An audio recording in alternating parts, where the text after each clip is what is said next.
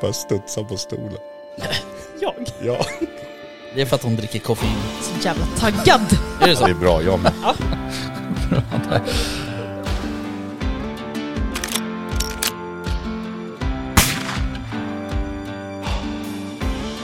Var det lite mer liksom Sound of Music-vildsvin? Ja, men liksom...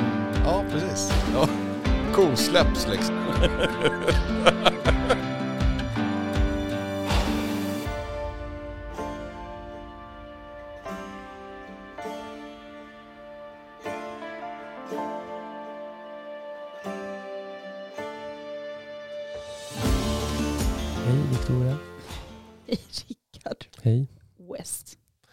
Välkomna till Jaktstugan Podcast. Welcome, welcome, welcome. Avsnitt, Fyra, säsong, fyra.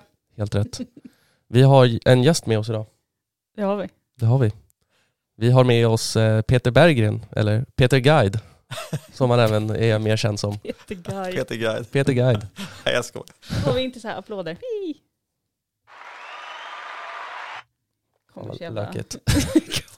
Ja, välkommen hit. Tackar, tackar. Ja, ehm, vi kommer återkomma till dig Ja. om en liten stund. Absolut. Men kul att ha dig här. Mycket Ehm, roligt. yes. Ja, hur är läget då? Eh, ja men det är bra. Med mig är det bra. Hur fan är det med dig? Det är, ehm, det är på bättringsvägen kan man säga. Jag har tittat på ditt suspekta finger här. Ja, det, är- det är schysst. Det är många färger. 50 shades of eh, allt möjligt. Ja, mush. Mush. Ja. Nej, och sen så har man varit sjuk på det och eh, hela familjen har varit sjuka och inställda jakter och bajs. Helt enkelt. Life. Life Är is shit ibland. Ehm, nej, jag skulle ju flå ett rådjur och uh, flådde mig själv istället. Good job. Så det blev fyra stygn, en tripp till akuten. Ja, det är kul. Men nu har du ingen stygn kvar. Nej, de tog ut idag. Så eh, det är Men kul. ja. Eh, good luck with that finger. Ja tack, det är lite, den är ganska nöm fortfarande. Att liksom så här, tippen känns knappt. Så det är lite intressant. Det är rätt kul känsla. Men det är ju tur att det är din... Eh, Ja, det är inte mitt triggerfinger. Exakt. Nej. Det är jag ju väldigt glad för. För det hade ju varit lite jobbigt om man har tappat känseln i hela fingertoppen. Om man inte vet om man ligger på Ja. avtryckaren överhuvudtaget. Bara, ah, är jag där eller Ja, inte? oj, oj, där small det. Jävla shit. Whoops. Ja, eh, nej, så vi får se hur det här blir. Jag kommer nog ha en fin grop i fingret sen. För att, troligtvis så kommer ju den här lilla stumpen som Ligger där uppe. ligger uppe kommer ju nog ramla av. Ja, fräscht. Ja, det kommer lukta jättegott sen. Fy fan. Då kommer man säkert sa- katten på golvet här. nasty, nasty. Har du jagat något då? Nej. Inte? Nej. Vad håller du på med? Eh, det närmsta jag har kommit jakt, men det, det är inte så långt ifrån ändå. Jag har varit och skjutit älgbanan. Ja, hur gick det då? Åt helvete. Men varför det? Vad hände? Vad var det Nej som men gick helt fel? ärligt så, jag kände redan innan jag åkte till, var på Roslagens. Mm. Eh, och eh, jag kände så att jag är inte in the mode för det här Nej. alls. Eh, var inte inställd på det för fem öre, jag var liksom medryckt så fem minuter innan. Så bara, Mm. inte, inte där mentalt. Eh, och sen, så har, när jag sköt upp så sköt ju jag med stöd. Mm. Eh, och sen så var man ju där med en riktigt så här, du vet, sammansvetsad liten jaktkrets sådär, Mm. och slå sig på bröstet, bö, sådär. Och eh, de sköt ju inte med något stöd. Nej. Då tänkte jag att nej men då ska fan inte jag heller göra det. Nej. Och så när jag klev in i liksom båset så bara frågade han som, vad säger man, och skytteledaren där. Mm. Ja, det, men det är bara att köra igång. Jag bara, ja, jag ska bara fundera på om jag ska köra med stöd eller inte. Han bara, nej men börja utan då, så blir det mer verklighetstroget. Och sen så vart det väl så här, ja första skotten gick väl bra sådär. Men jag lyckades liksom aldrig få ihop en hel godkänd serie. Det var alltid något skott som, Mm. och alltid på löperna. Var det någon sida som var svårare? Ja, det är ju, eh, vad blir det då? Jag, jag ställer ju alltid i relation till forehand backhand. Ja. Eh, så det är ju min backhand som inte är bra. Okej. Ja. Eh, forehanden funkade typ varje gång. Är Eh, men, men sen så vart det någon mental block när jag gick in varv, liksom omgång nummer två. Mm. Kände, bara, kände du dig stressad av alla andra som var där? Var det mycket folk? Nej, alltså vi var ju, det var ju bara den här gruppen. Mm. Och jag har ju träffat de allra flesta av dem förut så. Men inga ja, jag känner direkt förutom mina grannar. Mm. Eh, så jag vet inte vad det var som eh, triggade. Men, men stressad, absolut. Mm. Var ju typ skakis. Nämen. Alltså så här, stod och vibrera typ. Så jag vet inte vad det var. Eh, sen så tyckte ju de bara, gå in en sista gång, kör med stöd. Då var det så här, jag bara, nej, alltså jag är så jävla mentalt körd i botten just nu. Så jag bara, nej, jag skjuter inget mer idag. Nej, Jag gör inte det. Förstår. Så eh, jag har fortfarande det Mm. ligga, eller hängandes över mig kan jag säga. Yes. Tyvärr. Tips, boka för dig själv. Ja, Det är det ganska blir, skönt. ja men det, jag, det får typ bli så tror jag. Mm. Då är det bara du och ja, älgen. Jo, men får man då bevis då? Ja, kan du få. För det sitter ju en skytteinstruktör med. Eller en skytteledare. Ja men då är man ju inte själv. Nej, men de sitter ju bakom ett, en ruta och trycker på en knapp. Ja men det, det är typ det som är stressande. Att det sitter någon och bara, ja det är bra- jättebra, ja det är bra, eh, nu, nu försvann det iväg. Va? Ja, ja. Men inga direkt konkreta tips. jo, det fick jag. Jag ska inte säga att han inte gav mig tips, men det är så här, jag tycker det ser ut som att du, eh, eh, att du stannar. Okej, men gör jag det eller gör jag det inte? Så här, tycker det ser ut som. Mm. Ja, okej. Och så, ja, jag vet. Ja. Shit blev det i alla fall. Men det är det närmaste jag har kommit. Ja, Mm. och det varit lite så här, tog väl luften ur allt. Så. Så nej, ingen jakt. Okej. Och inte för dig heller.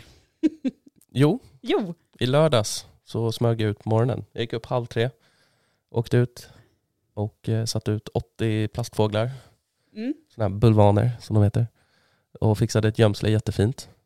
var det de där som vi stod och bråkade med i Roslagen? Eller? Va? Samma bulvaner. Exakt. Fast ännu fler nu. Ja. Ja, Eh, fortsätt. Och eh, fick en jättefin, vacker soluppgång. Och sen så började det ju flyga fåglar. Mm. De här högljudda, gråa Mm. fåglarna. Mm. Eh, flög ju sjukt mycket. Men de betedde sig så jävla ogässigt. Så att jag blev helt knäpp. De kom in från fel håll. De kom inte in mot vinden som de ska I vind, alltså med vind Ja. eller? Ja. Vilket så här, blir fel för mig. Det var huvud. jag har satt upp mitt gömsle för att ni ska komma därifrån. Ja, skärp er nu. Nej men eh, det vart så konstigt. Ehm, och sen så, eh, de hade ju, de skulle ju till sjön som låg där. Så att de flög ju jättehögt också. Så att jag fick ju bara ner några grupper. Ehm, men sen så ringer ju telefonen. Mm. Fru som är inte jätteglad på att jag inte är hemma. Var du smög du ut eller? Nej, jag sa att jag kanske skulle gå ut. Ja, okej. För mig betyder det att jag gör det. Men eh, mår hon inte bra, då är det klart att jag stannar hemma. Men det hade inte du tid att kolla eller? Nej men hon mådde ju bra på kvällen så då tänkte jag, ja ah, men skitsamma jag åker så får det väl bli som det blir. Tips är att inte göra det till liksom alla som har en respektive hemma. Om man... Ja, framförallt så åker man inte utan att fråga först kanske. ja, men jag frågade och sa ju att jag kanske åker ut, är det lugnt om du mår okej? Ja visst. Jo, men, men när du då klockan tre går upp och... Ja, men hon, kom, hon skulle ju blivit lik för asförbannad om jag väckte henne klockan tre på morgonen och bara du jag sticker nu. och sen så kommer bar barnen vakna och så kommer det bara Daddy, Daddy, vart ska du? Vart ska du? Ingenstans. Eh, jag har ju lärt mina barn att kanske ofta sluta mer åt ett nej Okej. än vad det lutar åt ett ja. Jag har ju lärt mig att tydlig kommunikation är någonting som man ska bedriva. Och där i, i, liksom kanske finns inte med i det i... nej. Nej. och det har jag fått lära mig nu. Ja. För att jag var ju, fick ju packa ihop och åka hem. Mm. För att det var kaos hemma med sjuk fru och sjuka barn. Var du helt lottlös då när du åkte hem? Nej, Nej. det var jag inte. Jag hade skjutit eh, triss i arter. Triss i art. Ja, triss i arter. All så jag right. sköt en grågås först. Eh, och sen så sköt jag en kråka. Och sen sköt jag en duva. Jaha. Så det var ju kul. ja. Vad ska jag göra med kråkan nu då? Eh, inte så mycket med den faktiskt. Jag ju- Kasserar den? gjorde jag. Jag tänkte att du skulle få den. Jag har ju provat kråka. Ja. Men sen tänkte jag att du skulle inte vilja ha den. Så då Nej, struntade för jag har provat kråka men det har Mm. inte du. jag. Nej. Nej. Man ska alltid Ja, ja. prova någonting två gånger innan man bestämmer sig. Ja. är Jag, jag lägger det i händerna på tändstopet. Mm. Så känner jag. Inte, inte på mig själv. Fegis. Ja. Mm. Ja. Ja. Korrekt. Japp. Eh, sen har jag ju varit på ehm, Ica Nära i Bergshamra All right. och varit inne på postombudet där och hämtat ut två stycken iCross. Vilka små paket det måste ha varit. De var skitstora. så hade jag barnen med mig också. Så bara, shit. Eh, men jag löste det. De fick, barnen fick åka på taket. Ja men fan vad spännande. nej, det gjorde de inte. Eh, ja, sjukt kul. Jag är så jävla taggad på att testa de här. Har du packat upp dem också? Eh, jag har öppnat lådan och luktat. Ja. Det luktar jättegott. Det luktar så här. God plast. Ja, nice. Men det kanske vår gäst Peter känner till. iCross. Fiske... iCross fisk, fiskeplattform eller SUP liksom. Ja, precis. Sådana ska vi testa och jaga ifrån. Mm. Det är spännande. Ja, det ska bli riktigt kul. Så att, eh, Det får inte blåsa. nej men det gör det aldrig, så det är lugnt. Det blåser aldrig här, Vi får ha två, en som paddlar och en som Ja, skjuter. exakt. exakt. Ja, Och två stycken som ligger på sidan och parerar. typ. Du tror inte på att de är stabila? Men alltså gud, Det alltså, väldigt, det känns, eh, känns, känns som att jag så här, eh, bajsar ner den här produkten. Jag, jag ska inte ha någon åsikt alls, vi har inte provat. Nej, men vi ska testa dem De i alla skulle fall. ju inte lansera det för jakt om det inte var bra. Eh, och eh, det ska bli sjukt kul i alla fall. Så eh, nästa vecka så blir det lite änder med Mm. de där. Eh, så ska vi testa dem. Sen ska jag skicka ut vickan på en sån. jag har sagt att jag filmar. Ja, från en sån. Nej. Jo. Jag filmar er när Nej ni nej testar. nej, nej, nej, nej, nej. Du ska ut på en sån här. Det kommer bli sjukt kul. Mm, sjukt kul. Men eh, hur som haver, så jag tror ju starkt på den här produkten och eh, efter mässan där när jag testade den så fastnade jag ju rätt rejält. Jo, vi vet. Så att, eh, Så därför har jag egentligen ingen talan, för jag har inte testat. nej men Ingen du, av oss andra har testat. Nej. Det är bara du. Yes. No pressure. Ja, men det blir spännande. Så Mm. vi återkommer i ärendet Yes. när de är testade. Men tack till iCross i alla fall. Ja, stort tack. Eh, sen har jag en utmaning till dig. Och det här är, nu är jag 100% seriös med att du ska göra, eh, alltså, göra det här. Ja. Är du beredd? Mm. Ja. Du ska laga en trerättersmiddag Uff, med det nästa matvilt som du skjuter. okej. Ja. Vadå? Ska jag bara laga det? Du, du ska, Jag behöver inte bjuda någon på det. jo, mig. Hej väst, kom hem till mig. Ja, men, jag och fru West åker hem till dig och så bjuder du oss på en ja, trerättersmiddag. nu, nu tänkte jag så här kontra med... mm, Du sa ju matvilt. Jag tänkte så här, om det blir en räv då? Nej, nej, nej. Matvilt. Kråkan. En krå- Ja, ja. Precis, Kråkan. Jag kråkan. Jag är på. Emil, ja, kanske inte så på. På kråka? Hon vill inte ens äta duva. Så. Du, alltså jag... Mm. Nej men no pressure, men det, det ska liksom, Du vet att snabbnudlar ligger liksom mig varmt om hjärtat så. ja men tänk inte enkelt, tänk svårt Jag nu. har ju någon Utmana annan som lagar själv. mat hemma hos mig. Utmana dig själv. Mm. Bra. Ja, då- challenge accepted. Bra. Kul. Fan vad roligt. Mm. Jag skulle aldrig göra det här med Rickard för jag vet hur det skulle bli. Han skulle ringa mig och bara du, eh, jag har en utmaning, jag skulle behöva hjälp. Ja, men Ja, fan du har ska fått den av jag mig. ringa? Jag ringer Nille. Nej, du får inte ringa någon. Ja, nu ska vi prata med vår trevliga gäst Peter. Hallå! Tja! Tjena! Berätta lite om eh, dig själv och eh, varför du är här. Varför du tror att du är här. ja, exakt. Nej, men jag tror ju att jag är här som liksom fiskeguide i Mm. skärgården. exakt. Och eh, att jag sitter med i SOF som är Sveriges eh, organiserade fiskeguider och inte Sveriges ornitologiska förening. Just i den här frågan som vi ska gå upp så kan det bli lite Ja, fel. Om jag skulle företräda de andra. ja, vi måste skriva rätt nu när vi gör eh, beskrivningen av det här avsnittet. Ja, det ligger ju på Rickard. Jätteroligt. Ja. Shit vad kul det här kan bli. Gud vilken jävlas med dig. Ja. Eh, nej men eh, berätta om dig själv och liksom hur du startade som fiskeguide och hur du kom med i, i SOF. Ja men precis, Nej, men jag har jobbat som fiskeguide ganska länge, jag tror att jag nästan har hållit på i 20 år. Jag har jobbat i sportfiskebutiker och varit med i branschen och ja, det ena leder till det andra. Mm. Och sen har jag ju fiskat hela livet så att det har liksom blivit en naturlig del. Ja. Så att det, just den biten är väl Ja, det känns som att jag har gjort så mycket annat. Det är som en jägare liksom, man börjar jaga när man är ung och så, så blir det liksom det som blir av sig själv. Mm. Jag hade andra planer kan man säga, men så blev det inte.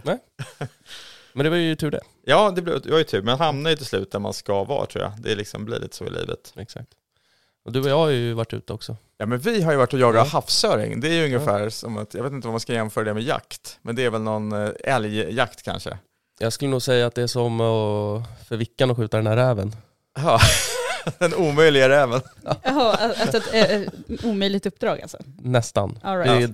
är 10 000 försök och sen får man en... eh, Ja, och sen tappar man den. Exakt.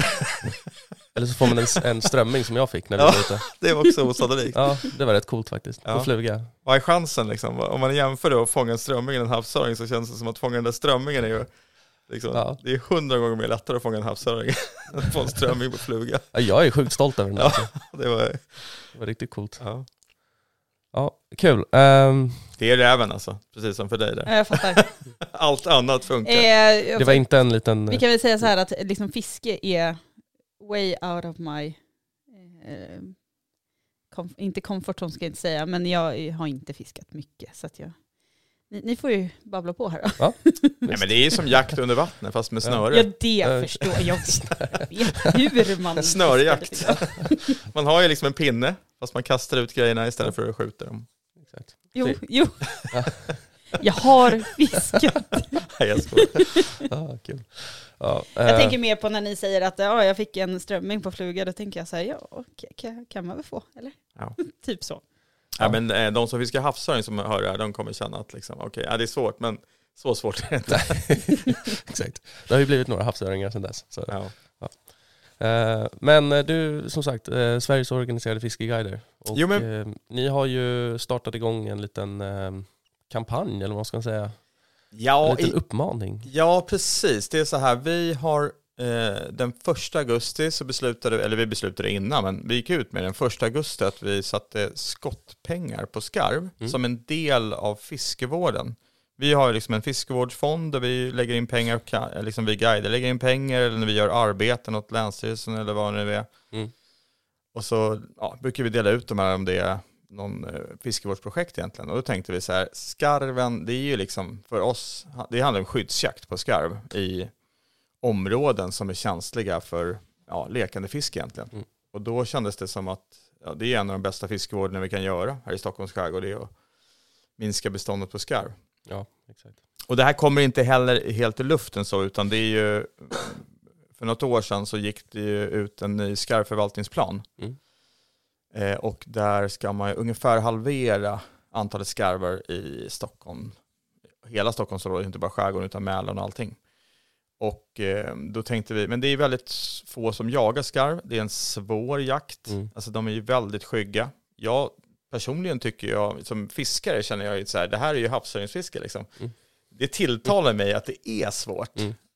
Eh, så jag, jag trodde liksom att eh, det här skulle folk tycka var jätteroligt, men tydligen så, ja, det är knepigt liksom. Man måste ha båt och det ska ut och det är, mm, ja, massa Mm. förberedelser och så.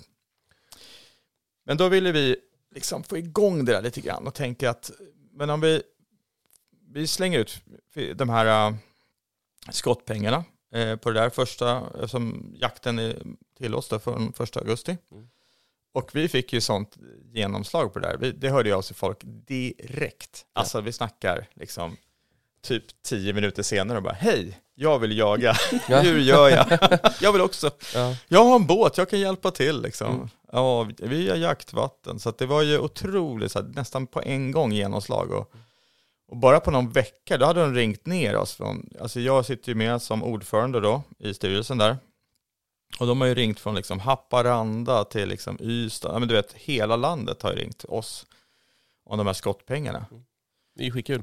Ja, det är skitkul och det är verkligen så här, det är, alla, det är allt från yrkesfiskare till liksom sportfiskare till ja, någon som, som bor ute i skärgården eller du vet någon som har läst om det här. Och, så det är väldigt stor sprid, blandning och väldigt lite negativt. Det är väl något mejl sådär någon gång som man har fått. Där man, ja, som Från inte eh, Sveriges or- or- ornitologiska förening. Ja, eller, precis. Soff. som du också Nej, är ordförande Nej, vi har faktiskt, jag ska faktiskt inte, jag ska säga att vi har faktiskt inte fått något från någon myndighets eller liksom någon annan organisation egentligen. Och jag tror också att det är lite svårt. Vi har ju gått ut med det här som en fiskevårdande åtgärd och dessutom så har vi gått ut med det för att egentligen bara genomföra den här planen som redan är beslutad av Länsstyrelsen. Mm. Så egentligen så är det ju inget, det är inte en jättestor grej. Nej, och det är inte så att ni bedriver någon liksom häxjakt på skarven heller genom det här. Utan Nej. det är ju en uppmaning till att Ja, och fylla jag, kvoten. jag tror personligen tror jag så här, eh, att eh, genom att vi, ja, ska man ansöka om de här pengarna till exempel på skottpengarna då, då, då måste man ju göra den där jakten, den jakten måste ju gå till på rätt sätt. De måste, Mm. ja, fåglarna måste anmälas till Länsstyrelsen, alltså vi kan ju inte dela ut pengar om det inte är korrekt. Så jag tror till och med att det har bidragit till en kanske schysstare jakt. Mm. Alltså mer regelrätt då. Ja. Att det, så att det, jag, tror, jag tror inte att det, ur det hänseendet så är det också tror jag positivt. Mm. Eh, Har ni haft någon kontakt med Länsstyrelsen sen, eh, sen införde det här? eh, ja, alltså vi har ju bara löst dem. Jag ska faktiskt på ett möte med, där bland annat de är med eh, om fiskefrämjandet i Stockholm. Det är, ja, det är massa fiske, vad ska man säga, intressenter. Eh, på torsdag ska vi ha ett möte hela dagen. Så Ja. kommer det väl bli en del snack om det här. Ja, antagligen. Jag förbereder mig mentalt. Jag säger bara ja eller nej, säger jag. Mm. Jag har inga kommentarer. Men det var ju 1900 skarvar i år. Eller fram till mars 2023. Precis, och det är ju årets kvot. Mm. Här i Stockholm snackar vi om nu. Precis, det är, inte- det är ju, varje län har ju ett, en egen kvot Mm. och vissa har väl ingen kvot. Ja, det är väldigt, alltså ska man jaga det, jag vill bara säga det här på en gång om ni hör det här. Kolla med er länsstyrelse där ni bor, vad som Ja. gäller. För det är, jag kan inte, det är, det är så ja, olika. Ja men så är det, man ska ju ta reda på vad som gäller. Där, Såklart. precis. Så det, är, vi, det är väldigt svårt. Jag kan inte alla eh, län. Liksom. Men jag kan ju säga det att de här 19 skarvarna som vi hittills under åren innan, all, vi har, det har varit så lite jakt på de här. Mm. Eh, egentligen några få som har varit väldigt duktiga kan man säga. Ja. Eh, men eh, det, vi har ju aldrig nått upp till den där. Så Nej. ett av våra delmål var ju att nå upp till eh, målet, på, alltså ja, 1900 skarvar då, här Mm. i Stockholm. Precis. Och det tog, alltså det var ju redan första september så var det fullt. Ja, det är snyggt. Så att man kan ju verkligen säga att det här har ju dragit igång en, eh, Men om man ställer det i relation till tidigare år då, var, var, alltså hur mycket av kvoten har fyllts fram till, eh, eller jag tror att det har legat, jag tror att det är upp till 1500 något år så här, som har Ja. skjutits av de här 1900. Men då är ju det kanske under hela den, och vi pratade om innan, vi har ju en kille som ska vara med senare, jag tror att han något år stod för en tredjedel av de där. Så att, ja, det, man kan säga att det har ju en, alltså nu har vi faktiskt ansökt om en eh, utökad kvot. Mm. Eller vi har, som i Softa har lämnat in en ansökan till Länsstyrelsen om att utöka kvoten med tusen fåglar i år eftersom vi har fått eh, så bra gensvar på det här. Mm. Och passa på då att försöka få ner antalet skarv så att vi kan uppnå det här målet eh, att minska skarven till hälften på ungefär en tioårsperiod. All right. jag Ja, för sitter ju- spontant bara och tänker så här att, att det skulle behövas gå in med pengar egentligen för att, eh, alltså jag tänker på den här skottpengen, att det är det som troligtvis då kanske har lockat många till att jaga. Men varför har intresset varit så svalt innan? Jag ska faktiskt säga så här, jag tror inte eh, att det är kanske, för vissa kan det nog vara pengarna, men jag tror att mycket har nog varit, eller nu att det liksom blir fokus på det här. Det Mm. tror jag framförallt har drivit- igång det och det tror jag var meningen. Jag ska också säga att den här pengen, vi har ju gått in med 20 kronor per skarv, men sen har ju två privatpersoner gått in med, ja, en har gått in med 20 kronor per skarv, så lika mycket som oss, och en har gått in med 10 kronor per skarv. Och den ena är ju, är ju liksom, ja, han är med i fiskebranschen, så att, men det är hans, det är inget företag utan det är personligt. Mm. Och den andra killen är helt privat, alltså har ingenting med för fiskebranschen att göra. Och det här gäller hela Sverige, alltså alla län, eller är det här Stockholms län bara? Nej, vi har ju vi har ju alla län. Vi har Mm. inte satt något. För att, det är ju så här med skarven att när vi pratar med till exempel jägarna nere i eh, Kalmar till exempel som nu rapporterar skarvar, då rapporterar ju de ringmärkta skarvar från, ja, från Stockholm. Mm. Och de hittar ju våra skarvar nere i Europa sen i vinter. Så skarven flyttar ju sig hela, de är ju väldigt alltså, rörliga. Mm. Så vi, helt plötsligt kan ju vi ha 10 000 skarv i skärgården. Och då är det ju skarv som kommer ner från Norrland. Liksom. Eh, och är- hänger här ett par veckor och sen går de vidare ner. Just det. Så de, det är en flyttfågel och, eh, och även väldigt snabba på att börja häcka. Det kan helt plötsligt poppar upp en ny koloni från ingenstans. Så att det, de är otroligt, det är en rörig fågel Mm. att sköta om kan jag säga. Ja. Som en banditgäng bara, "Jaha, nu bor de här helt plötsligt. Mm. Men för det, tidigare år så har det ju inte, tilldelningen har ju inte fyllt. Och då, det har ju sett som en anledning till att inte öka eh, tilldelningen. Eh, men i år då så har det ju fyllts. Så att förhoppningsvis så ger ju det en eh, önskad effekt då att vi får skjuta fler skarvar. Ja, precis. Det tror jag också. Eh, det, det finns ju i alla fall, då finns det ju en anledning att höja den här. Det har ju inte varit någon anledning att höja kvoten innan. Nej, precis. För att den inte har fyllt. Så. Ja. Ehm. Och ehm, ja, skarven som art då? Det här har vi haft lite diskussioner kring. eh, och mycket gissande. Om ni har haft det så kan ni ju gissa hur många sådana diskussioner jag har haft. Jag kan jag. säga så att jag var, jag var med någon gång på liksom, ett skarven kom till Stockholm 1994, då är det första häckande paren. Och jag tror att vi var väl ute där i början- slutet av 90-talet, och höll på på någon ö där nere vid Dalarö och målade ägg och grejer. Mm. Och eh, alltså det har ju varit ända från början den här diskussionen. Var är de ifrån? Är det liksom, hur kommer de hit? Och så. Så att eh, det är ju en, ja, alltså jag tror till och med att de har liksom, jag har läst några sådana här, ja, utredningar då, eller det är väl forskare egentligen som har utrett. Och eh, som alla vet så forskare är ju forskare, men också personer. Så att det är klart att har man en personlig åsikt om någonting så kanske det vrids åt det hållet då. Mm. Men där har man till och med läst att så, ja, men de har hittat lämningar på Virka. Någon viking som har käkat skarv. Nej men typ, alltså, så att det är väldigt svårt att säga. Men vi kan ju bara säga så här, i modern tid så har vi ju inte haft någon häckande skarv här i Stockholm. Nej. Utan den kom ju hit, det ju liksom, finns ju dokumenterat. Att det, den kom ju i början av 90-talet hit. Ja, för början av 1900-talet så var den ju helt utrotad i Sverige. Ja. Ja. Om det nu, det vet man ju inte heller om den. För att vi har ju haft skarv, och det stod ju, jag- vi satt och läste lite här innan, men jag har ju läst många rapporter om det här. Och, eh, det jag lärde mig, ska jag säga, jag, jag är ju skärgårdsbo, bor ju här borta i Åkersbergatrakten. Mm. Och eh, vi har ju ställe ute på en ö, och jag vet min, min farsa är ju fågelintresserad, så man har ju lärt sig om fåglar sedan man var liten. Och jag vet att vi pratade om skarv och då var det liksom, det här, du snackade, det här är ju långt innan det kom någon skarv till, till eh, Stockholm och då var det så här, "Ja, man kan se de här, ibland kommer de in från Norge. Sent, sent, sent på hösten så kan man liksom, du vet, se någon sån här ytterskärgård. Han har ju aldrig sett något, han, är, han bor i skärgården på en ö liksom. Ja. Så att det, det innan dess, så det, det var ju mer en sån här, ja, då var det nästan som en dröm att skulle få se en skarv. Det var ju så ovanligt så att det, Mm. en svart cool fågel. Mm. Vi visste inte bara att de kom. Att de skulle bli så jävla många. De var som möss. Liksom. Ja, Det gjorde ja, och, Barn eh, sju gånger om året. ja, och sen skiter de ner och dödar öar liksom. Ja. Yes.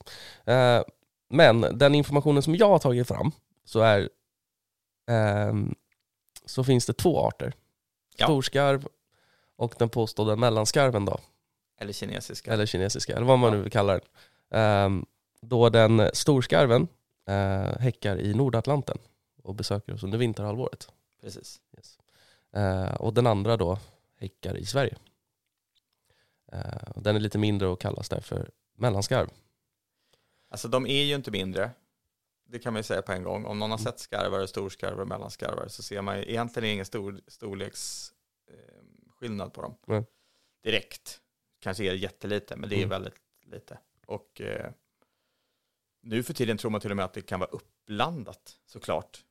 Och eh, de finns ju dokumenterat att eh, man tog in skarv från Kina eh, i Holland Mm. när man reste då, mycket och handlade med Kina, så tog, för att folk i Kina fiskar ju med de här skarvarna som är rolig, de, eller rolig, de fiskar ju med dem. Mm. Men det var jättekul, det är ju som en turistgrej att köpa en skarv i, som, i koppel.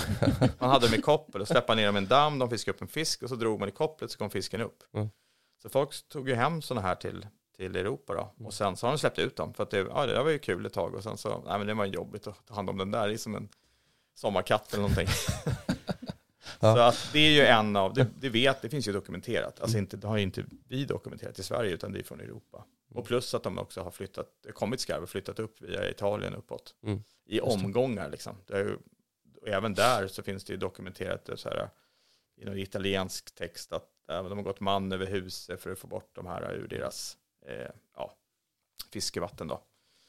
När de har kommit. Så att det har ju, det har väl, den här skarvfrågan är väl ganska gammal i Europa egentligen. Ja, verkligen. Eh, så att, men Det vi, vi har ju inte, det här skarvproblemet, eh, vad man nu ska säga, som har blivit här, och att det är en överetablering helt enkelt. Mm. Det är ju modern, alltså i modern tid är det helt nytt för oss i Sverige. Exakt. Men om vi ska bara reda ut problematiken, för det är ju inte bara att de skiter sönder öar, utan det finns ju en, och det är ju därför du är här, men eh, vad är den huvudsakliga problematiken med skarven? Så att vi reder ut det för alla som lyssnar här nu. Alltså, eh, den huvudsakliga problematiken är som sagt inte att en ö blir av med alla träd Mm. och vit, utan den huvudsakliga är ju att det som de använder för att göra den där ön vit och döda träden Mm.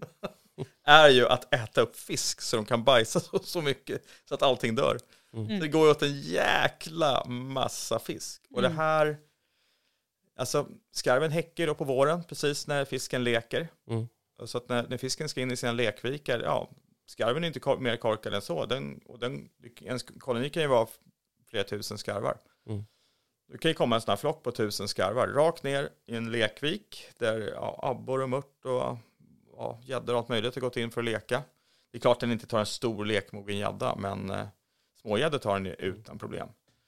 Och framförallt så tar den ju, och abborre är en av deras liksom, stapelföda till Mm. exempel. Och det kommer då, tänk att det kommer ett abborrestim, inte vet jag, i en sån här vik, jag vet inte hur vad beståndet är, men i en mindre vik, det kanske är ett par tusen abborrar i en sån här vik. Och så hittar skarven den här viken och tänker att ah, men här var det gott om mat, så här fiskar vi. Och då kan de ligga där i tre veckor och fiska på den här lekfisken. Så att då tar den ju bort alla lekfiskar. Så det blir ingen lek. Så den dödar ju inte bara den fisken den äter upp, utan allt som ska komma. Mm. Precis. Så det, går ju, det kan ju gå på en vår att, en, att helt, helt bestånd egentligen slås ut. Liksom. Mm. Alltså det blir, så att, det blir så lite fisk kvar så att, så att eh, ja, fortplantningen blir ju minimal. Mm.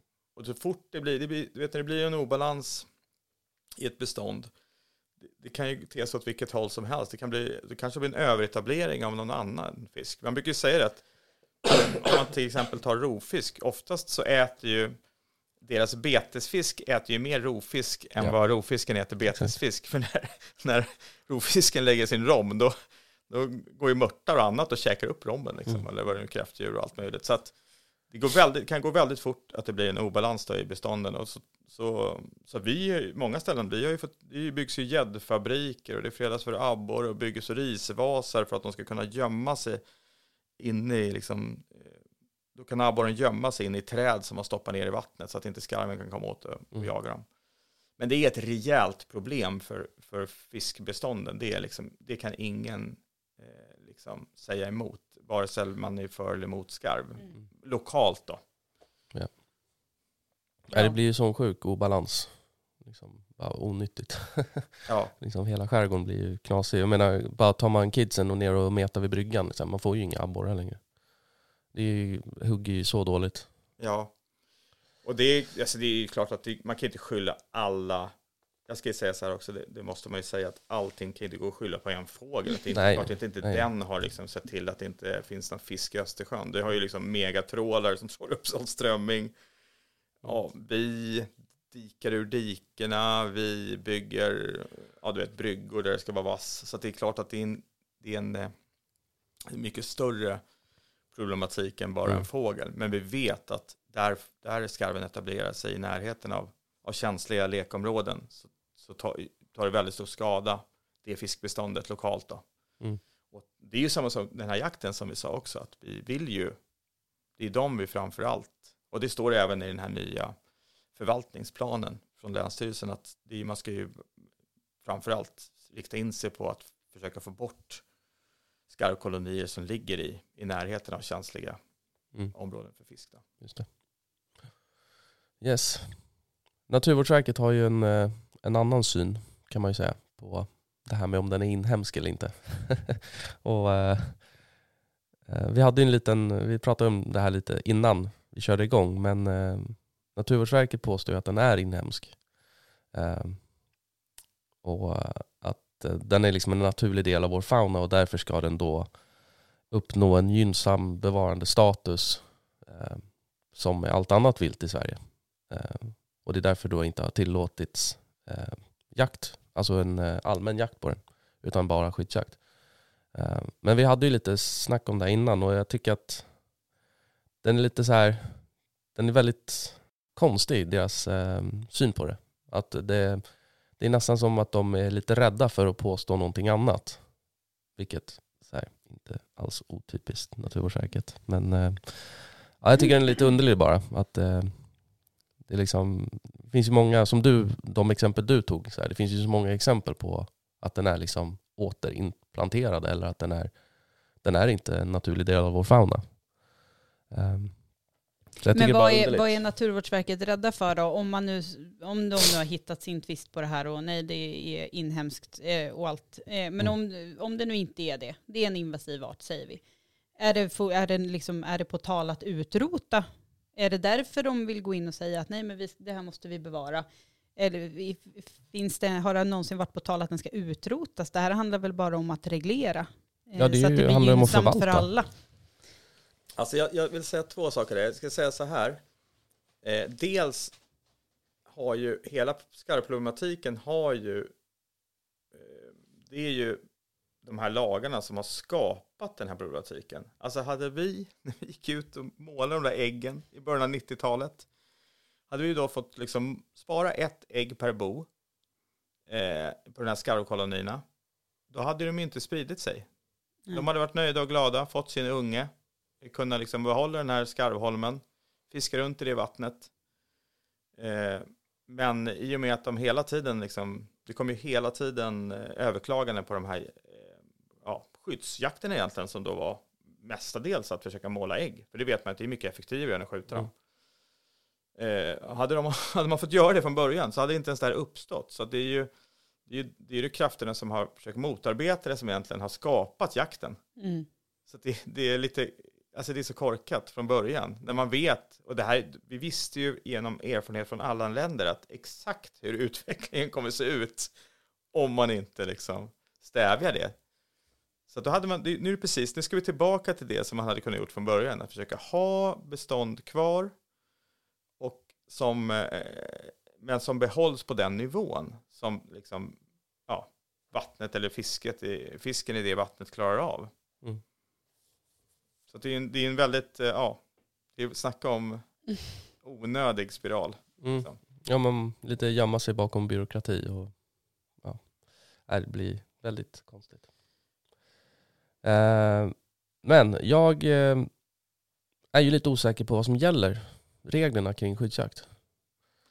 Är det något som du har koll på? Ja, alltså jag har en del koll på det här. Eh, och eh, i, ja, det här, nu ska vi säga så här, jag ska inte säga att jag har koll över hela landet, för det är ju väldigt varierande eh, eh, vad som gäller. Men det finns ju ja, olika, det finns ju skarvförvaltningsplaner. Sen finns, Länsstyrelsen, om vi går in på Stockholms till exempel, så säger man så här. Eh, Beslut som tillstånd till skyddsjakt efter skarv i Östersjö inom Stockholms län. Beslutet omfattar fyra typer av jakt. Skyddsjakt vid fasta eller rörliga fiskeredskap samt fiskodling. Inte handredskap, det är också ett rörligt fiskeredskap. Man kan inte kasta med kastspö och få skjuta skarv.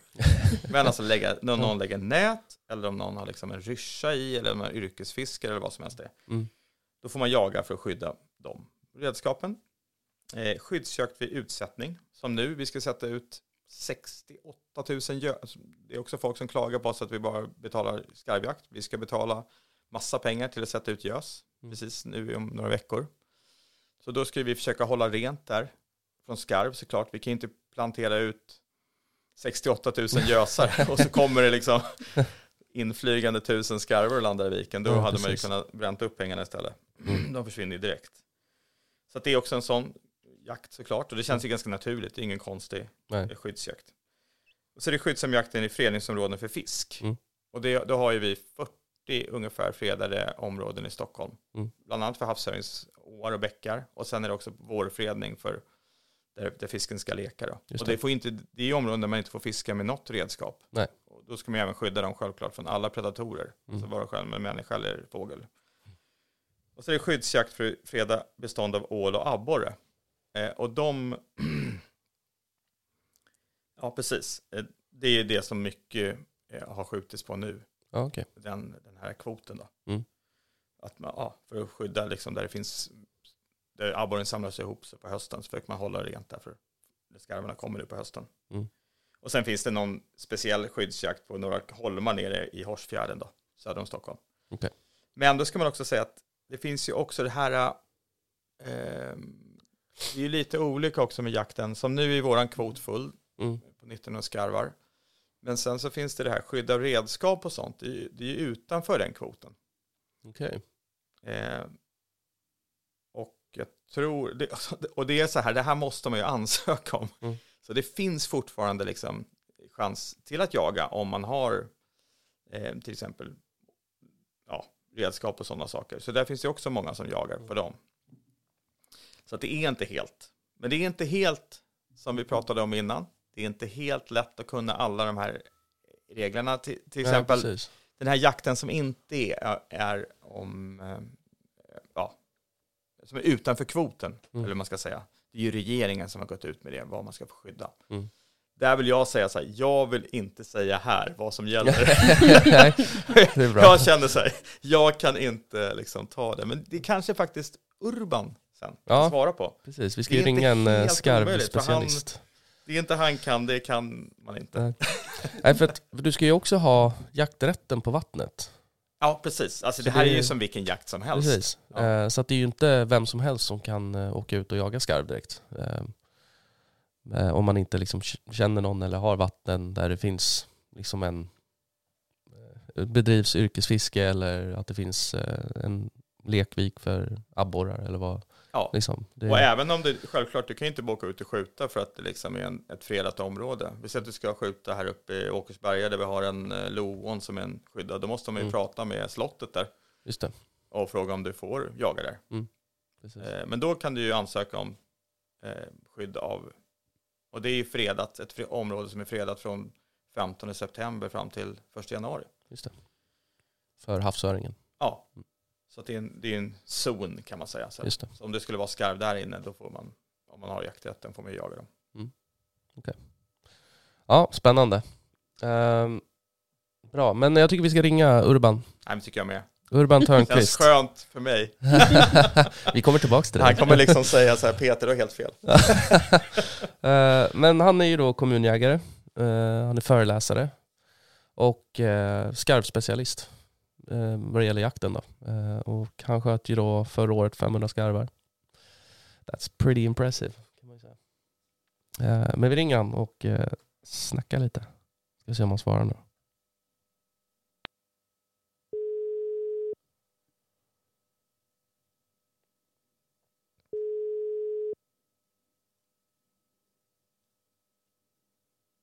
Ja, Urban. Tjena Urban, det här var Rickard West på Jaktsugan Podcast. Hej. Tjena, jag sitter här med din kompis Peter och eh, Ja. min kompis eh, Victoria. Hej Urban. Tjena Urban! Hej. Hej. Hej. Kul att du vill eh, vara med och prata med oss.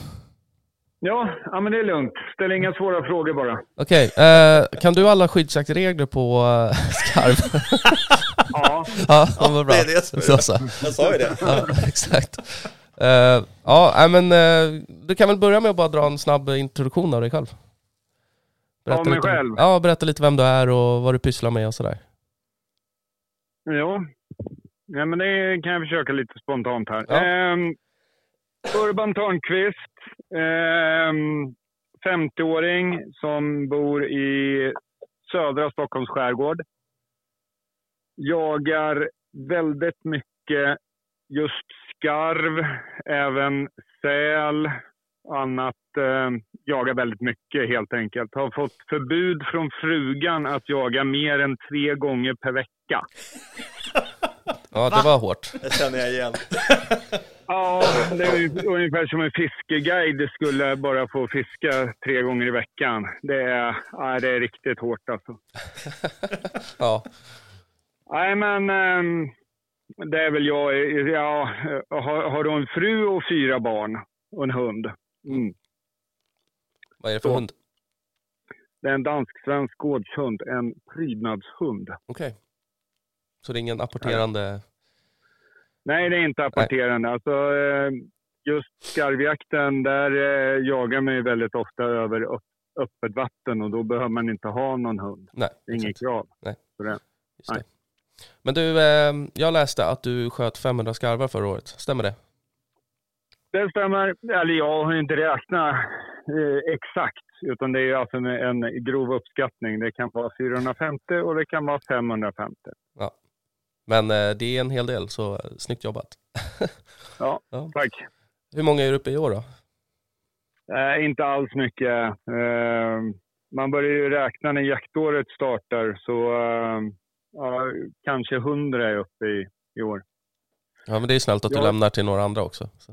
Ja, ja men det, det är jättesnällt. Nej, men sen har jag blivit, jag har blivit någon sån här pappershöna för um, Jägarförbundet. Så jag, folk kontaktar mig för att få hjälp med eh, skyddsjakter och Ah, eh, okej. även hur man går tillväga när man jagar skarven. För att, alltså vi, vi har ju klarat av att lösa det här problemet hur man jagar dem effektivt Mm.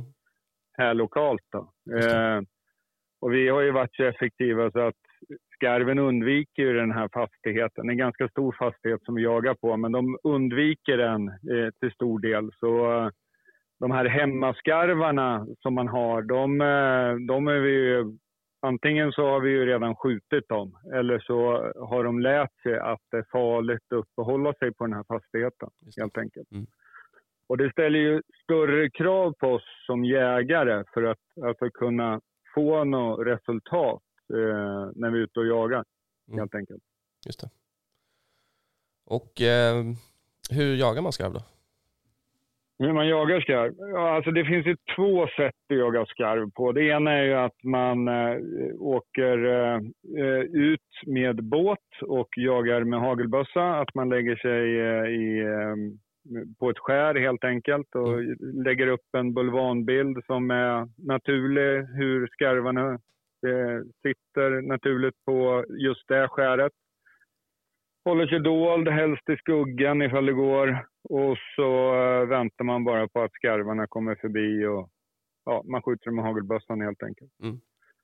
Eh, sen kan man ju också eh, göra så att man använder sig av studsaren. Det är ju klass 3-vilt, skarven. Att man skjuter dem helt enkelt på lite längre håll när de har tagit vila på en eh, sten som man kommer åt bra och har Mm. bra kulfång och ingenting bakom. Ja. Så det är, det, det är två, två metoder att, att jaga skarv på som vi använder väldigt mycket. Och är, är det en snabb fågel? Eh, skarven är ju väldigt snabb när den flyger. Mm. Eh, ifall den flyger förbi då. Men oftast när de kommer in, alltså man ställer ju upp de här bulvanbilden eh, eh, på en plats där de eh, har naturlig viloplats. Alltså. Så, och då kommer de in ganska sakta, för då är tanken att de ska landa eller alltså kolla först då, ifall det verkligen är säkert att landa. Och då kommer de inte så fort faktiskt. Okej. Men eh, ifall du är någonstans alltså, där de sträcker, som i ett sund till exempel, och där de bara sträcker förbi, och då kommer de jättesnabbt alltså. Mm. Gör de. Och de är ju svåra att skjuta, eh, för de är, de är intelligenta som en kråka. Och alltså lika, eh, läser lika snabbt saker och ting alltså. Mm. Minsta fel du gör, det lär de sig. Okej. De ser väldigt bra. De har jättebra syn, alltså, har skarven. Och det har ju kråkan också. Och sen är de lika hårdskjutna som gäss. Okej. Och när du jagar gäss, då brukar du använda alltså blytreor eller blyfyror. Men här använder du stålammunition eftersom det är enligt Kemikalieinspektionen så får man inte använda blyammunition ifall det är sex meters vattendjup eller grundare. Just det. Så då har du en sämre ammunition också som gör att du måste få in fågeln ännu närmare. Och vad kör du för eh, storlek på hagel då? Ja, Jag använder eh, stålfyror. De Mm. tycker jag fungerar jättebra. Men det är ju, alltså det är ju som med all ammunition. Alltså man måste ju provskjuta för att se att det funkar i din bössa. Funkar det inte så får du byta choker. Mm. Eh, och funkar det inte då, ja, men då får du byta ammunition helt Ja. enkelt. Men de här bulvanerna, hur viktigt är det att de är liksom, eh, vad ska man säga, eh, väldigt eh, livstrogna, eh, trogna, liksom, att de ser ut som riktiga fåglar? Eller räcker det bara med en Alltså, silhuett? Alltså, eh, förr i tiden så jagar man ju, alltså rikt, riktigt eh, långt tillbaka, då jagar man ju skarv med gummistövlar, svarta gummistövlar som man satt upp. Coolt. Och det är ju det att alltså, fågeln, skarven, den ser jättebra alltså eh, när den inte flyger. Mm. För som alla fåglar så har den dubbla ögonlock. Fåglar har dubbla ögonlock. Den har ett inre ögonlock som går framåt och bakåt. Och det är lite genomskinligt det där ögonlocket. För de använder det nämligen när de flyger för att inte ögonen ska torkas ut. Okej. Skarven använder det även när den dyker under vattnet, Mm. som en cyklop helt enkelt. Eller simglasögon. Coolt. Och de har ju de här inre ögonlocken framdragna när de flyger, så de ser inte så bra just när de flyger, fåglarna. Mm. Och då kan du ställa upp en svart gummistövel på en vit guanoklippa. Alltså. Och skarven, den ser bara konturen och den ser den där svarta pricken. Och så kanske den drar tillbaka det där inre ögonlocket lite. Ja, men eh, det, där sitter ju en artsfrände. Mm. Jag flyger dit, för jag är lite trött här. Jag har lite mycket fisk i buken som jag behöver smälta här. Mm. Ja, så, så den kommer in helt enkelt. Och då är vi ja, me mellan 120 och ner till 80 meter har den, den här, det här inre ögonlocket, alltså eh, framdraget medan den flyger. Okej. Och sen, sen drar den tillbaka där, ungefär åt- 80-100 meter, 120 meter. Drar den tillbaka där och då måste du ha bra bulvaner. För annars så ser den direkt alltså, nej men det där är ju bara skit. Alltså. Mm. Men använder du sådana här silhuettbulvaner då, de är ju tvådimensionella. Då är det viktigt att man ställer upp dem så de står i lite olika vinklar så de inte försvinner helt enkelt allihopa. Precis. För då får du en tredimensionell effekt helt enkelt. Mm. Man jagar ju gäss på det viset också, att man gör på Ja, vissa precis. platser, att, att man gör sådana silhuetter utav gås. Det ger ju lite rörelse i bulvanbilden. Ja.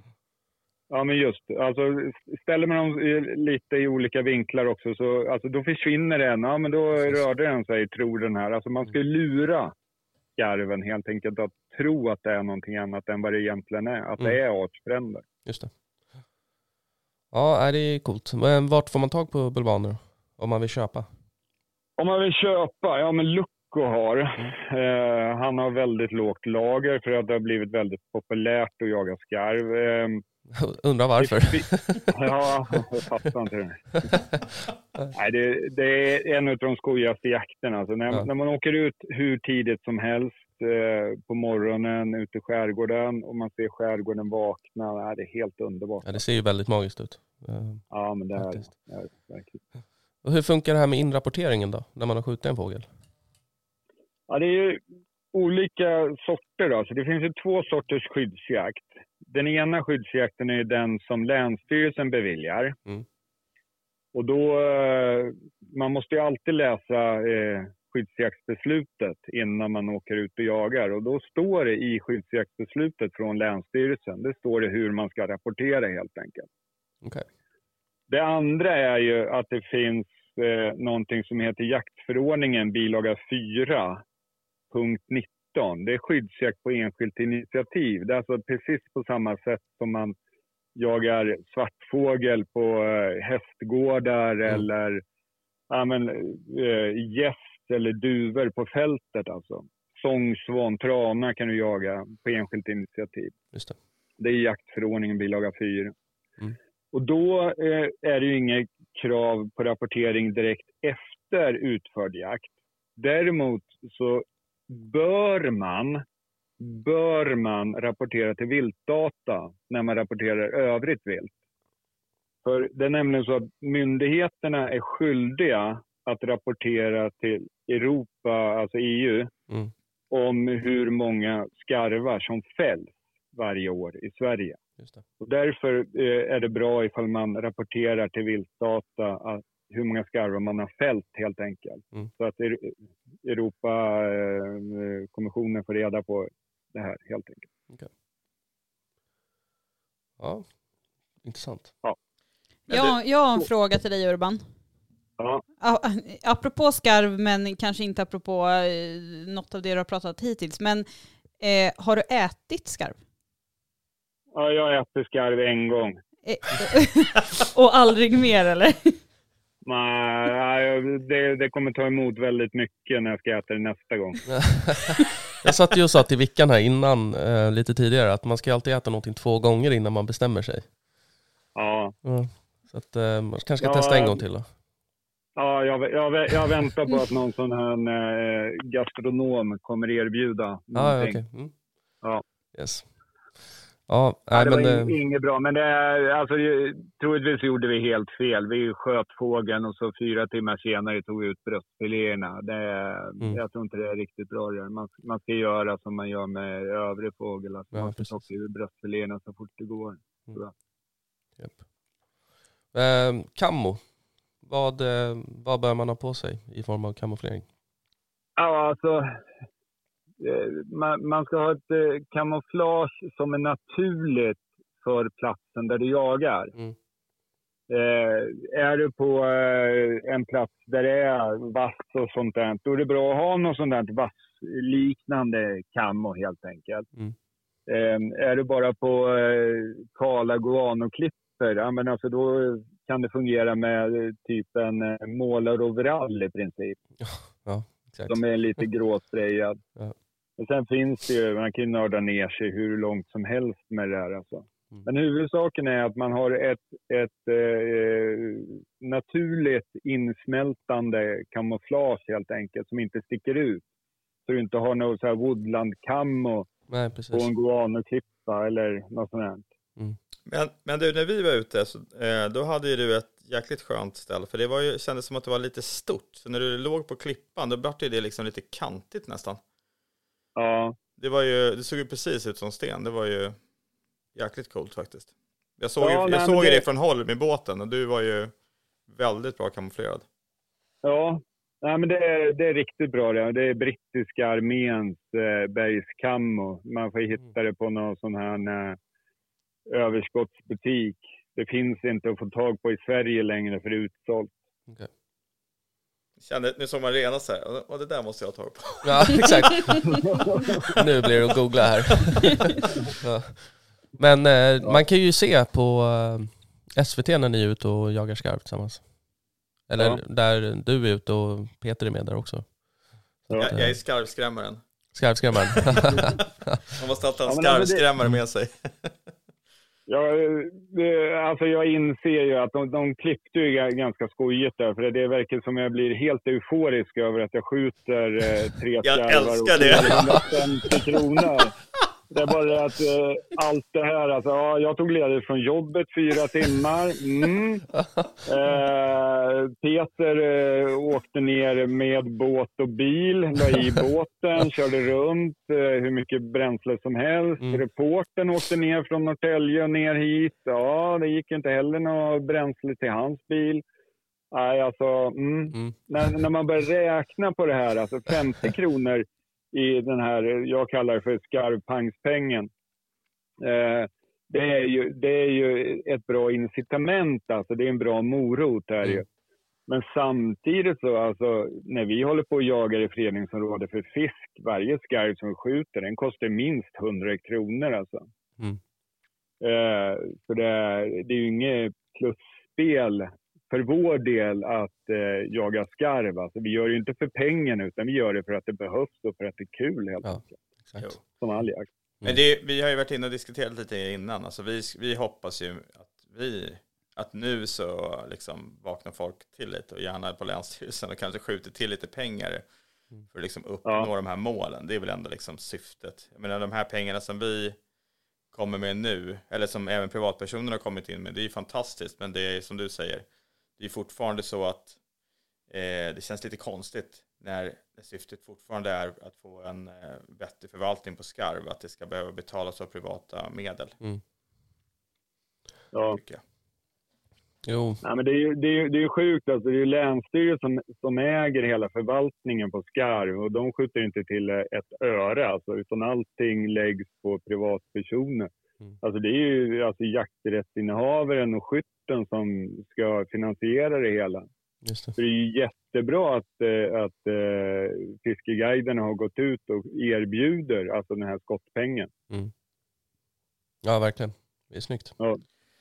Jag tänkte fråga, jag ville, skulle vilja gå tillbaka lite till den här med, eh, för att som i Stockholm nu, då har vi ju eh, fyllt kvoten på 1900 fåglar. Men, men du pratar ju om lite olika jakter där. Det, det finns ingen jakt man kan bedriva, liksom, eller någon chans att bedriva jakt där, eh, för, ut- utanför den här kvoten. För det, det finns väl några undantag. Men jag, är lite, Ja, men- jag vågade liksom inte riktigt gå in på dem, för jag känner att jag är lite, lite osäker exakt vad det är som gäller där. Nej, men alltså, eh, det var ju som jag sa, alltså det, antingen så är det ju bevilja skyddsjakt från Länsstyrelsen. Och det är kvoten. den kvot, den, den, ja, det är kvoten, det är 1900 och den är fylld nu. Ja. Eh, de, de har lämnat in eh, eh, för att få fler skarvar att skjuta, men helt plötsligt så skulle det ta väldigt lång handläggningstid här. Så att, det kommer en ny kvot, men det kommer ta typ tre veckor, säger de på Länsstyrelsen. Men då har man det här alltså på enskilt initiativ, jaktförordningen, bilaga 4, punkt 19. Googlar man det där så hittar man att det står eh, någonting om att eh, man får skydda fasta och rörliga fiskeredskap 300 meter ut från fiskeredskapet, då, från storskarv. Mm. Ehm, man får, eh, ja det, det här är från 1 augusti till sista februari. Och sen får man även i fredningsområde för fisk. Så eh, det finns eh, några platser alltså där, eh, där det är fredningsområde för fisk. Det är grunda lekvikar som är bra sådana här barnkammare för fiskarna på våren. Mm. Men i dem, där får man också skyddsjaga skarv helt enkelt. Från den 1 augusti till den sista februari. Och sen är det ifall det är utsättningsplatser och sådana här, alltså lite sånt där. Men det står där, jakt, eh, alltså jaktförordningen bilaga 4 punkt 19. Just Det det. står ordagrant vad det är som gäller helt enkelt. Och det, det är där man ska rapportera till viltstaten när man rapporterar annat. Okej. Ja, men det är bra att veta, för det, där är, det är många som frågar om just det. Så att det är Ja, men intressant. det är ju det. Och hur, eh, hur gör man för, eh, för er då Peter? Om man ska få den här pengen, hur går man tillväga? Ja, precis. Nej, men vill man ansöka då skickar man ju in, vi har gjort det väldigt enkelt, så att man tar egentligen kort på sina skarvar som man har skjutit. Mm. Skickar dem till Sveriges organiserade fiskeguider, det är soffguiderna.se, eller vi, går in på det så ser det, finns det våra eh, ja, kontaktuppgifter och där står det dessutom, man kan gå in på vår Facebook, Mm. eh, Sveriges organiserade fiskeguider, där står det också exakt hur man går tillväga, vad man ska skriva med och, och det viktiga är att man skriver vad man skjuter på då, så Mm. att det inte är någon, ja, att det är en godkänd jakt helt enkelt, för att få de här pengarna. Mm. Så egentligen är det bara det, och sen så eh, skickar vi pengar då, Coolt, till skytten. snyggt. Du har väl gjort det där, eh, Urban? Ja, Nej, men det, det, det är väldigt lätt. Alltså. Det, är, ju- det är ju bara att mejla, alltså bifoga en bild och så skri, skriva eh, vem, var, hur, när, antal. Mm. Ja, så inga, kråk, inga kråkfötter på posten tack. Nej, skippa det. Men du, Urban, du har hållit lite föreläsningar va? Om eh, skarvjakt? Ja, jag har hållit eh, föreläsning om praktisk skarvjakt, Mm. helt enkelt. Är det nå- några fler datum som eh, är planerade? Nej, som det ser ut nu så det ingen, finns det ingen beställare eh, Okej, på, på någonting. Eh, så det är ganska lugnt. Så jag hinner göra andra saker som att söka eh, skyddsjakt på skarv under tiden. right. ja, men du, stort tack för att du var med. Du har svarat på många av våra frågor som vi har gissat oss fram till tidigare. Ja, att, eh, superintressant var det. tusen Lyssna. tack för det. Så eh, får vi höras vidare senare. Får du ha Det en trevlig kväll. Vi hörs Urban, Ha det bra! ha det gott. Tack så mycket. Hej, hej. hej. hej. Grymt, tjena. Ja, det var ju bra. Jag Äntligen menar- lite svar på frågor som vi har gissat oss fram till eh, Ja. i många Framför, avsnitt. framförallt eh, får ju alla ni där ute också svar på frågor som Precis. vi inte har Mm. lyckats Jag gillar att med. alla vi blev helt tysta när Urban pratade. Ja, det var ju fantastiskt. Så Det, enkelt. det liksom. roliga var också att eh, West satt och pekade på en fråga som jag skulle ställa. Ja. Precis då så bara droppar han Ja, svaret bara- på ja, den ja, frågan. Så okej. bara, ah, nej, Ja. behöver inte ställa någon fråga här. Det är Han nice. bara fyllde in allt. Men du, hur har eh, skarven påverkat dig då som fiskeguide? Ja men precis, ja som fiskeguide ska jag väl säga så här att jag tror inte mig person, alltså ska man säga oss som guider, det, vi har ju båt, Mm. bilar, massa coola utrustningar, Ja, exakt. så att vi åker ju liksom iväg. Det blir ju så här, ja det blir så då. Om jag kan jämföra med, jag bor i en gäddvik kan jag säga som exempel. Mm. Alltså en jättefin skärgårdsvik som ska egentligen vara, vara full med fisk. Mm. Och, och jag får liksom ta min båt på släp och åka liksom ett gäng mil Mm. för att fiska på ett vettigt vatten som jag, där jag vet att kunderna får bra med fisk. Mm. Ja, normalt sett, jag är ju uppväxt i de här områdena, så ska jag ju bara kunna åka ut där. Tänk om det är mitt hemmavatten också, det är som Mm. ni skulle jaga på en liksom bakgård. Mm. Alltså man vet ju exakt, man, jag vet ju vad gäddorna heter, liksom exakt var alla abborrar bor. Ja. eh, och det är ju, alltså vi har, jag har ju, jag har jättemånga filmer, jag har lagt upp dem på min, den här, min Facebook, Mm. Peter Guider, om man vill kolla. Mm.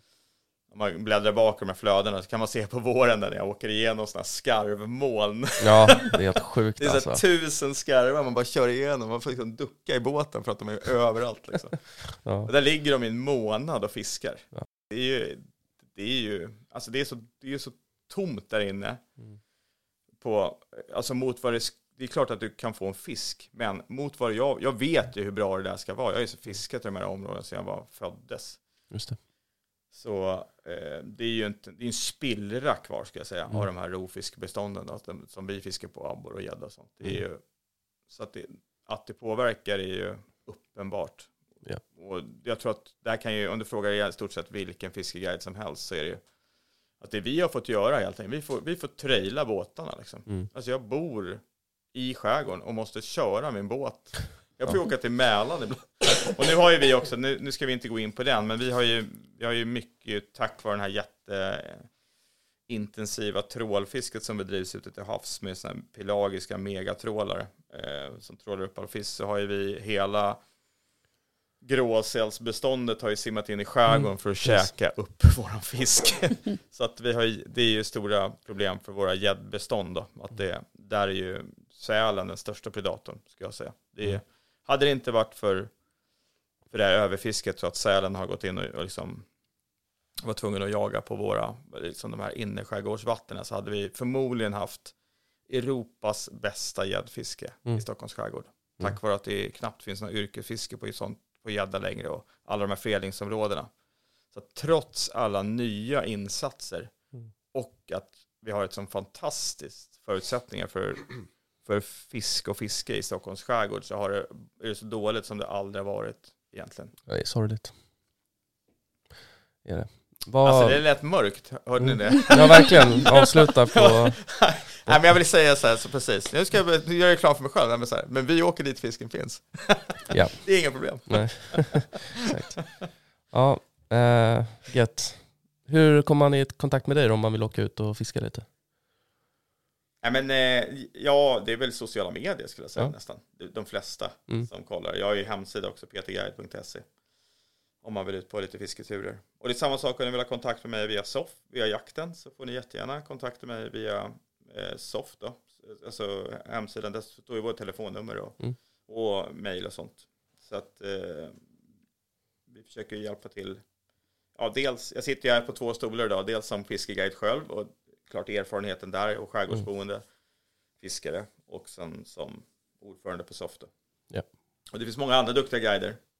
Och det kan jag också säga så här, om det, jag vet att det är många som vill ut på guiding och eh, när säsongen är som hetast, till exempel på havsöring, Mm. då är man ju många gånger fullbokad. Men det är också en sån här grej, jag hjälper ju gärna till att eh, förmedla, alltså till andra guider också. Mm. Som självklart. Så att, har ni några fiskeintresse eller liksom det så kan jag hjälpa er. Och sen kanske vi ska tillägga då också att eh, om ni som lyssnar är intresserade av att jaga skarv så släpps det alltså en ny kvot vad det verkar som om cirka tre veckor eller något sånt där va? Vi håller tummarna för det i alla fall. Håller tummarna för det. Beslut om det kommer i alla fall. Ja, i Stockholm. I. Stockholm. Sen- sen ska vi Det tänka- finns ju kvoter kvar i Precis. resten av landet ja, också. det har varit Exakt. väldigt fokus på Stockholm här, men alltså Mm. Som sagt, det är ju samma sak med de här jaktpengarna. Ni kan ju ansöka om dem om ni jagar någon annanstans i Sverige. Yes. Så att kolla upp med Länsstyrelsen skulle jag säga, era, hur kvoterna är. Jag, jag tror bara att det är Stockholm och Kalmar som har skjutit fullt på kvot. Mm. Okej. Så att, och det finns ju även om man vill resa, det är ju många som bor i Stockholm som har landställen och sånt där på andra ställen. Mm. kan man ju passa på att ta en höstjakt på skarv. Just det. Det Mm. låter inte helt fel. Men Och framförallt göra en insats för eh, fiskbestånden. Och få öarna. cool jakt. Och precis, rolig jakt och för mindre nedskitade öar. Ja, exakt. Ja, gött. Ehm, har du något som du vill tillägga? Som vi har missat? Nej egentligen inte. Nej. Det är svårt att komma ihåg, men det har varit mycket här. Väldigt Det har varit intensivt... Ja, det har eh, varit många ja. liksom fr- fram och tillbaka sådär. Men det är som sagt, det är ju en ganska komplex fråga ibland. Det här med, ah, det blir lite kontroversiellt och det är lite folk tycker hit och dit. Ja, men så är det. Eh, Men jag skulle, det enda jag skulle vilja fylla i och säga är att liksom, just för våran del från SOF så är det här liksom, vi har gjort det som för att få igång den här skyddsjakten. Det är inte för att det ska vara liksom, vi vill döda alla skarvar i världen. Liksom. Mm. Utan det här är bara för att få igenom, ja, kunna få till den här skarvförvaltningsplanen då. Yes. Och att halvera beståndet i Stockholm egentligen. Snyggt. Gött. Mm. Jag är lite trött nu känner jag. Alltså det här är, jag känner mig så informationsmatad. Ja, det verkligen. är, jag har mycket att smälta på vägen hem nu. Ja. Och jag ska kolla på SVT när jag kommer hem också. För det har Ja. inte jag sett. Jag satt och kollade på den och eh, det, det är lite kul. Jag ser fram emot det. Jag kan säga en sak att vi, vi var också med på Svenska nyheter, om ni har sett det. Ja, Det här är när man gör komedi av nyheterna. Där har vi liksom, vinkeln där var lite så här, var väldigt, alltså den var ju hilarious. Jag ska inte säga jag ska inte klaga på det, det var jättekul. Men då var vinkeln lite så här att eh, en ideell intresseorganisation kunde liksom bevilja skyddsjakt. Så han jämförde våran skyddsjakt med att han skulle vilja skyddsjaga andra barn. Ja, Men- ja. Andra föräldrars ungar. ja. Så att jag kände så här, ja, lite hårt kanske. en aning.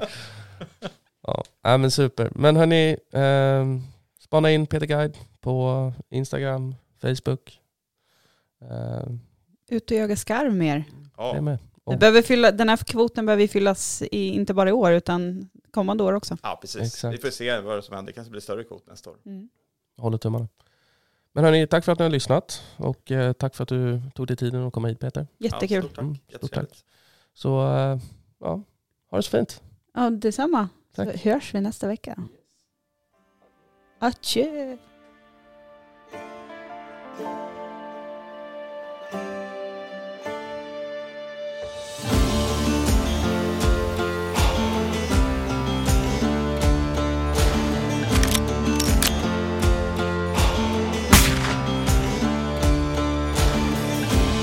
quelle